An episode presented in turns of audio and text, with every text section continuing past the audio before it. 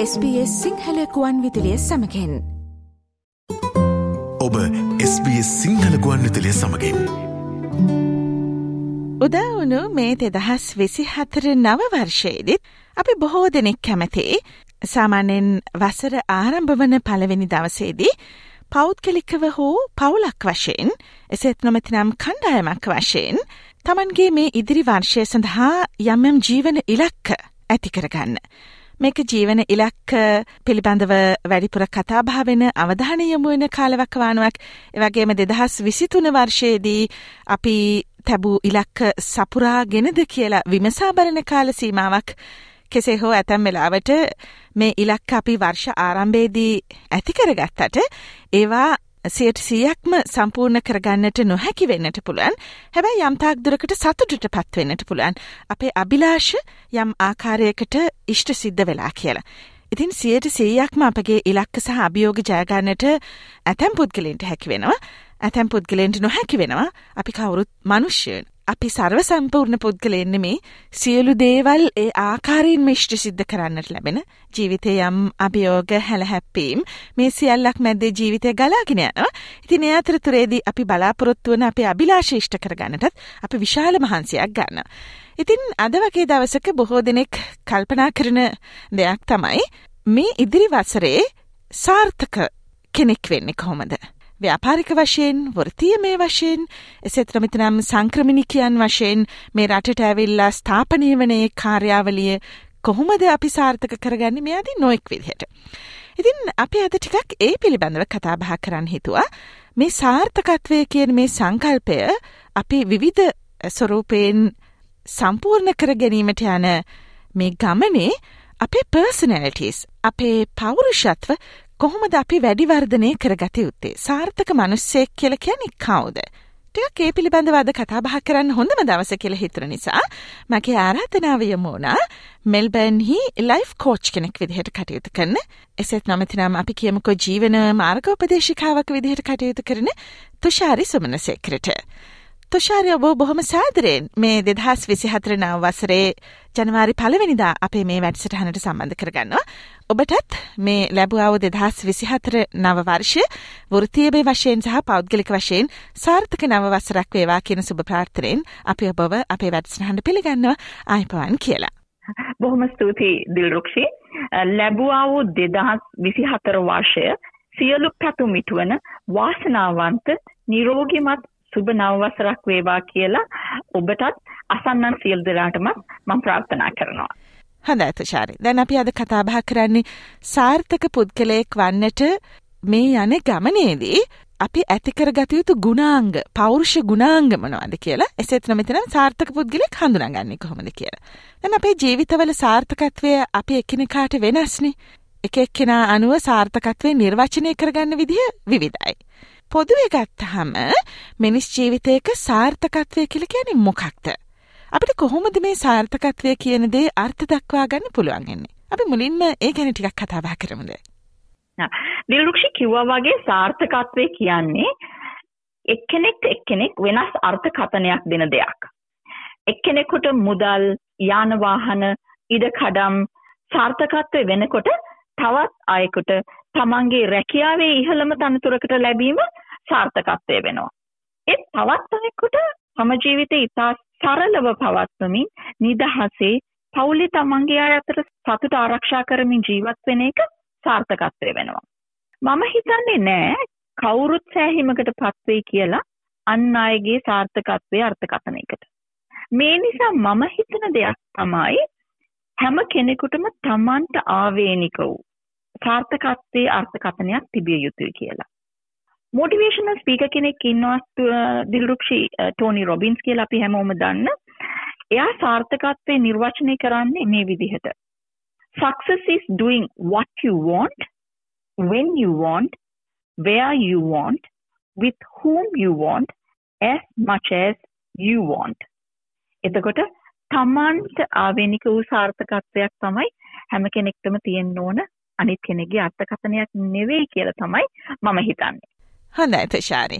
දැන් අපි ගත්තතින් එහෙම එක් එක් පුද්ගලයින් Tamanගේ මේ ජීවන ඉලක්ක සපුරා ගැනීමේ කාර්යාවලියේදී සාර්ථක වෙන්න පුළුවන් අසාර්ථක වෙන්න පුළුවන්. කෙනෙක් තමන්ගේ ජීවන ඉලක්ක සාර්ථක කරගනිද්දි තවත් කෙනෙක් අසාර්ථක වෙන්නේයි. මොකක්ද මෙතනදී අපිට විශේෂයෙන්ම සලකා බැලිය යුතු අවධානය යොමු කළ යුතු කාරණාව බවට පත්වන්නේ. කෙනෙක් සාර්ථක වෙනවා තවත් කෙනෙක් අසාර්ථක වෙනවා. ඇයි මෙහෙම වෙන්නේ ඇත්තටම?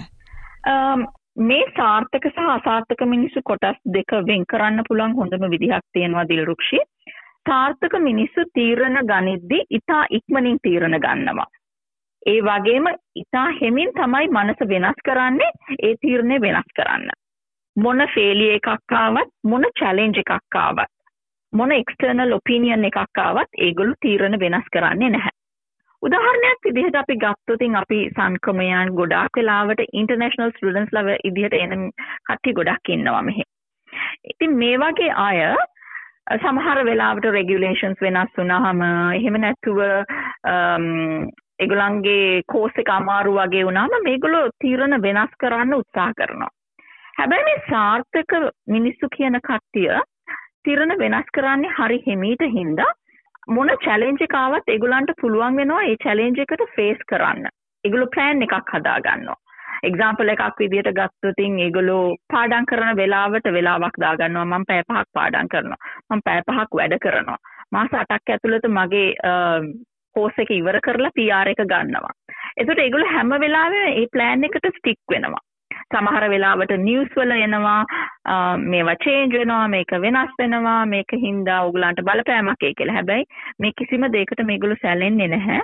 මේගොල්ලෝ මේගොල්ලෝගේ ප්ලෑන් එකට ස්ටික් වෙලා කොහොම හරි ඒගොල්ලෝගේ PR එක හදා ගන්නවා. ඒක තමයි සාර්ථක මිනිස්සුන්ගේ විදිය. හැබැයි අසාර්ථක මිනිස්සු කියලා කියන්නේ ඊටා හෙමින් තීරණ ගන්න අය. හැබැයි මනස ඊටා ඉක්මනින් වෙනස් කරනවා ප්ලෑන්ස් වෙනස් කරන්න. එතකොට මේගොල්ලන්ගේ ඉනිෂල් ප්ලෑන් එක හැම මාසකට සැරයක්ම දෙකට සැරයක්ම තුනකට සැරයක්ම වෙනස් වෙන්න පුළුවන්. එක්ස්ටර්නල් ඔපිනියන් එකක් ආපු ගමන් මේගොල්ලෝ පුදුම විදියට සැලෙනවා. චැලෙන්ජස් වලට ෆේලියර්ස් වලට හරිම බයයි. ඉතින් එහෙම වුණාම මේගොල්ලන්ට මේ ඉනිෂල් ප්ලෑන් එකට ස්ටික් වෙලා ඉන්න බැරි වෙලා ඒගොල්ලන්ට ඒ යන ගමන සාර්ථක කරගන්න බැරි වෙනවා. මෙන්න මේක තමයි වෙනස සාර්ථක සහ අසාර්ථක මිනිස්සුන්ගේ. මේ බිහේවියර් පැටර්න් එක අපිට හොඳට දකින්න පුළුවන් සාර්ථක සහ අසාර්ථක මිනිස්සු අතර. සාර්ථකත්වයට යන සහ නොයන හේතු දකින්න පුළුවන් හොඳ මොඩල් එකක් තියෙනවා කෝචින් වල. එකට කියන්නේ adults growth model කියලා. මේක තියෙන්නේ different stages of adult development එකක් ගැන. මේක කොටස් හතරකින් යුක්ත වෙනවා දිල්රුක්ෂි. පළවෙනි කොටස් දෙක below the line behaviors කියලා අපි කියනවා. ඒකට එන්නේ reliance and rebellion කියලා කොටස් දෙකක්. Above the line කියලා කියන කොටසේ ඉන්න අය කියනවා අපි independence සහ interdependence කියලා. අපි දැන් මුලින්ම කතා කරමු මේ below the line behaviors දෙක ගැන. පළවෙනි එක තමයි realize මේගොල්ලන්ට තියෙන child like behavior එකක්. මේගොල්ලෝ ඩල්ස්ලා වුණාට බිහේව් කරන්නේ චයි කෙනෙක් වගේ. මේගොල්ලන්ට හැම වෙලාවෙම කාගේ හරි ඉන්ස්ට්‍රක්ෂන් එකක් ඕන වැඩ කරන්න. එහෙම නැත්නම් මේගොල්ලෝ බලාගෙන ඉන්නවා වැඩ කරන්නේ නැතුව. මේගොල්ලන්ට ඩිසිෂන් මේකින් ගන්න හරිම අමාරුයි. they don't make decisions. ඒත් එක්කම මේගොල්ලන්ට self doubt එකක් තියෙනවා. මේගොල්ලොන්ට තමන් ගැන විශ්වාසයක් නැහැ.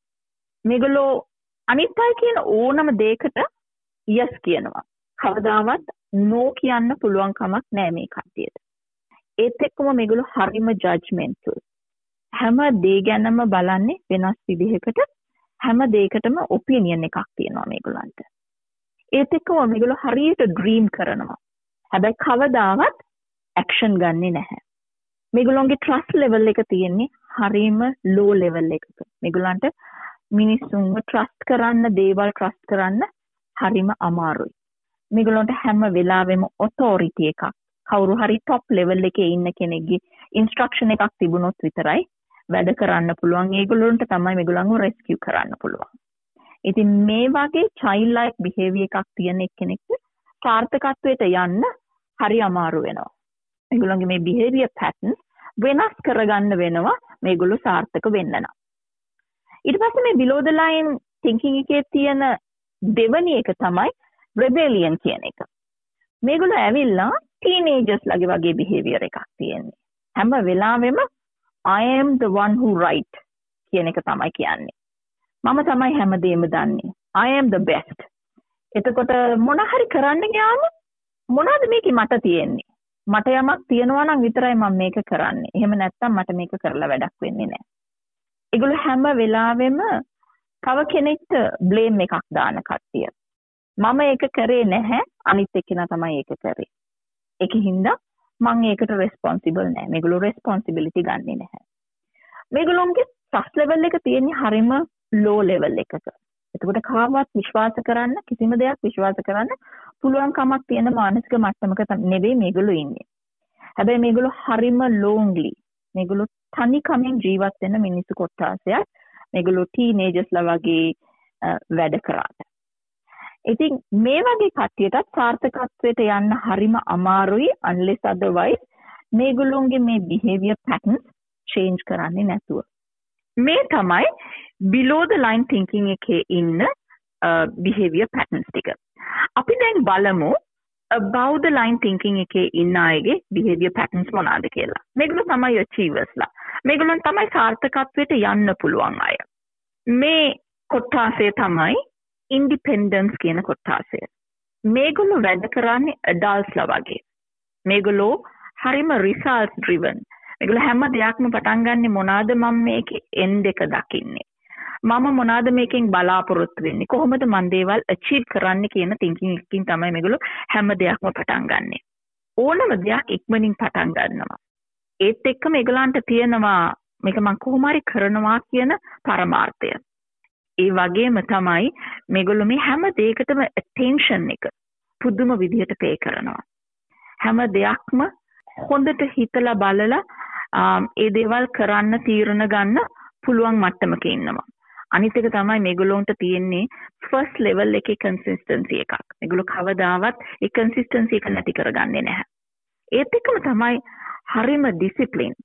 අද මේ වැඩේ මේ වෙලාවට කරනවා කිව්වොතින් කවදාවත් ඒක පස්සට දාන්නේ නැහැ. එක කොහොම හරි කරනවා. මොන බාධකයාවත් මොන මොන ෆේලියකාවත් මොන චැලෙන්ජකාවත් මේගොල්ලොන්ගේ ඩිසිප්ලින් එක මේගොල්ලෝ නතර කරන්නේ නෑ. ඒත් එකම හරිම ඕගනයිස්. දකින්න පුළුවන් හොඳටම පුදුම විදිහට ඕගනයිස් වෙලා වැඩ කරන මිනිස්සු කොට්ටාසයක් විදිහට. මෙන්න මේගොල්ලෝ තමයි සාර්ථකත්වයට යන මිනිස්සු. එහෙමනම් අපි මේ below the line thinking එකෙන් එලියට ඇවිල්ලා above the line thinking එකට ඇවිල්ලා adult කෙනෙක් විදිහට results driven කරන කෙනෙක් විදිහට වැඩ කරන්න පුළුවන් නම් ඕනම කෙනෙක්ට සාර්ථකත්වයේ කරා යන්න පුළුවන් කියලා මං කියනවා. හොඳයි. ඉතින් මේ ජනවාරි පළවෙනිදානේ. ඉතින් බොහෝ දෙනෙක් කැමති පසුගිය අවුරුද්දේ Tamanගේ අතපසුවීම් මගහැරීම් වැරදීම් ඒ සියල්ලක්ම අමතක කරලා දාලා එසේත් නොමෙතනම් පසකින් තියලා අලුත් වසරක් නම් විවිධයට ආරම්භ කරන්න. යම්කිසි කෙනෙකුට හිතනවා නම් Tamanගේ ජීවිතය කඩාවැටලා තිබුණා අසාර්ථක වුණා පසුගිය අවුරුද්දේ දැන් Tamanට වෙනස් විදිහකට යලි නැගිටීමක් අවශ්‍යයි කියලා මේ නව වසරේ. ඉතින් ඒ අය කොහොමද යළිත් Tamanව මානසික බිඳ වැටීමකට ලක් නොවන විදිහකට අලුත් ආකාරයකින් Tamanගේ ජීවන ඉලක්ක කරා යොමු වෙන්නට මාවතක් හදාගන්නේ. මම හිතන විදිහට හැම කෙනෙක්ටම සාර්ථකත්වයට යන්න පුළුවන් විරුක්ෂි. හැබැයි 95% of our journey is awareness කියලා කියනවා. ඒ කියන්නේ පළමු දේ තමයි තමන් තමන් අසාර්ථක බව හෝ මානසික බිඳවැටීමකට ලක් වෙලා ඉන්න බව අඳුනා ගැනීම. පළමුවෙන්ම වෙනස් විය යුත්තේ තමන් බව හඳුනාගත්තාම තමන් දිහා හොඳින් බලලා පහුගිය වසර හෝ වසර කීපය තමන් බිහෙව් වුණේ කොයි විදිහටද කියලා ඇනලයිස් කරලා බලන්න පුළුවන්. මම ටීනේජ කෙනෙක් වගේද බිහේව් කරේ. එහෙම නැත්තම් මම චයිල් කෙනෙක් වගේද බිහේව් කරේ. එහෙම නම් දෙදස් විසි හත්තර වර්තය සාර්ථක කරගන්න මම මොනවද වෙනස් කරගන්න ඕන කියලා බලන්න ඕන. ඒ දේවල් වෙනස් කරගන්න මතක තියාගන්න ඕන දෙයක් තමයි බාහිර දේවල් අපි වෙනස් කරන්න බැරි බව. සාර්ථක වෙන්න නම් තමන් තමන් 100% responsibility එක ගන්න වෙනවා. අනිත් දේ තමයි අපේ හිත පාලනය කරන්න අයිතිය තියෙන්නේ අපිට. පුළුවන්කම තියෙන්නේත් අපිට. බාහිර කුණු වලින් හිත නරක් කරගෙන ඒවා හිත ඇතුළට අරගෙන අනවශ්‍ය දේවල් දාගෙන හිතේ ඉඩ නැති කරගන්න එපා කියලා මං කියනවා. තමන්ගේ ඉම්පෝර්ටන්ට් දේවල් හිතන්න ඒවා ඇනලයිස් කරන්න ඒ හිතේ ඉඩ තියාගන්න කියලා කියනවා. එහෙම කරෝතින් තමන්ට ඉතා හොඳ තීරණ ගන්න පුළුවන් මානසික මට්ටමක අපිට ඉන්න පුළුවන්. මේ මොනදේ කරත් සාර්ථක වෙන්න නම් අපි දැනගන්න ඕන අපිට මොනවාද කරන්න ඕන කියලා. අපිට මොනවාද අපි කරන්න බලාපොරොත්තු වෙන්නේ කියලා. we need to know our outcome. එතකොට අපිට වෙනවා ඒ වර්ෂය ඇතුළ මොනවාද අපි කරන්න කියලා goal setting එකක් තියාගන්න. මම දන්න විදිහට 90% of the people written goal setting එකක් තියාගන්නේ නැහැ. ඉතින් අපි හැම වෙලාවෙම බලන්න ඕන අපේ ඊළඟ අවුරුද්දේ අපි මොනවාද කරන්න කියලා හිතනවා නම් දැන් 2024 අපි මොනවාද කරන්න කියලා හිතනවා නම් ඒක හිතලා වැඩක් නැහැ. ඒකට written document එකක් තියාගන්න මේ මේ දේවල් තමයි මම මේ අවුරුද්ද ඇතුළත achieve කරන්න යන්නේ. හැබැයි මේ මේ කාලය ඇතුළත කියලා. ඒ හැම දෙම කරත් අපිට වෙනවා මේ හැමදේම වෙනුවෙන් action එකක් ගන්න. අපිට plan එකක් ගහන්න පුළුවන්, අපිට written document එකක් තියෙන්න පුළුවන්, අපිට dream එකක් තියෙන්න පුළුවන්. හැබැයි අපි action ගන්නෙ නැත්තම් අපිට ඒ dream එක achieve කරන්න බැරි වෙනවා. ඒක හින්දා හැම වෙලාවෙම මේ ප්ලෑන් එකට ස්ටික් වෙලා මේ මේ දවසේ මම මේ මේ දේ කරනවා කිව්වනම් ඒ දේ කරන්න පුරුදු වෙන්න. ඊළඟ එක තමයි අපිට තියෙන්න ඕන සෙන්සරි අවයානස් කියලා එකක්. අපි දැනගන්න ඕන මොනවාද මෙතන කරන්න ඕන. මම මොනවාද මේ කරන්නේ මේකත් එක්ක සාර්ථකව යනවද එහෙම නැත්නම් මට මොන හරි වෙනස් විදියට කරන්න වෙනවද කියන එක අපි දැනගෙන ඉන්න ඕන. අපිට දැනෙන්න ඕන.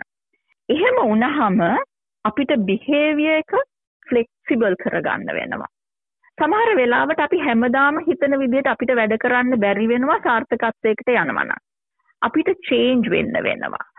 අපේ තියෙන හැම තිංකින් එකක් එක්කම යන්න බැරි වෙන්න පුළුවන්. අපිට අපිව වෙනස් කරගන්න වෙන්න වෙනවා ඒ දේ achieve කරන්න යනකොට. ඒකට behavioral flexibility එක හදාගන්න වෙනවා. මෙන්න මේ ටික හදාගෙන ඉහිල්ලා බැලුවොතින් මං හිතනවා දෙදස් විසිහසර වර්ෂයේදී ගොඩක් දේවල් අචීව් කරගන්න පුළුවන් වෙයි කියලා.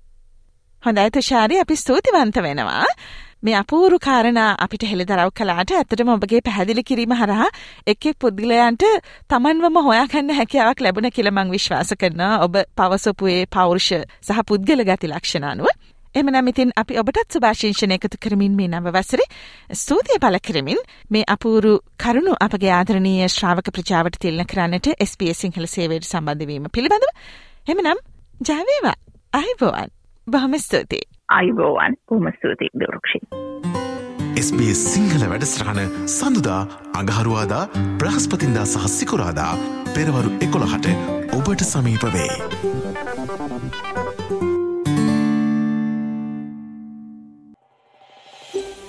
මේ වගේ තවත්තොරතුරු දැනගන්න කැමතිද. එහමනම් Apple podcast Google podcast Spotify ඔබගේ පොඩ්කාස්ට ලබාගන්න ඕනෑම මාතයකින් අපට සවන්දය හැකේ.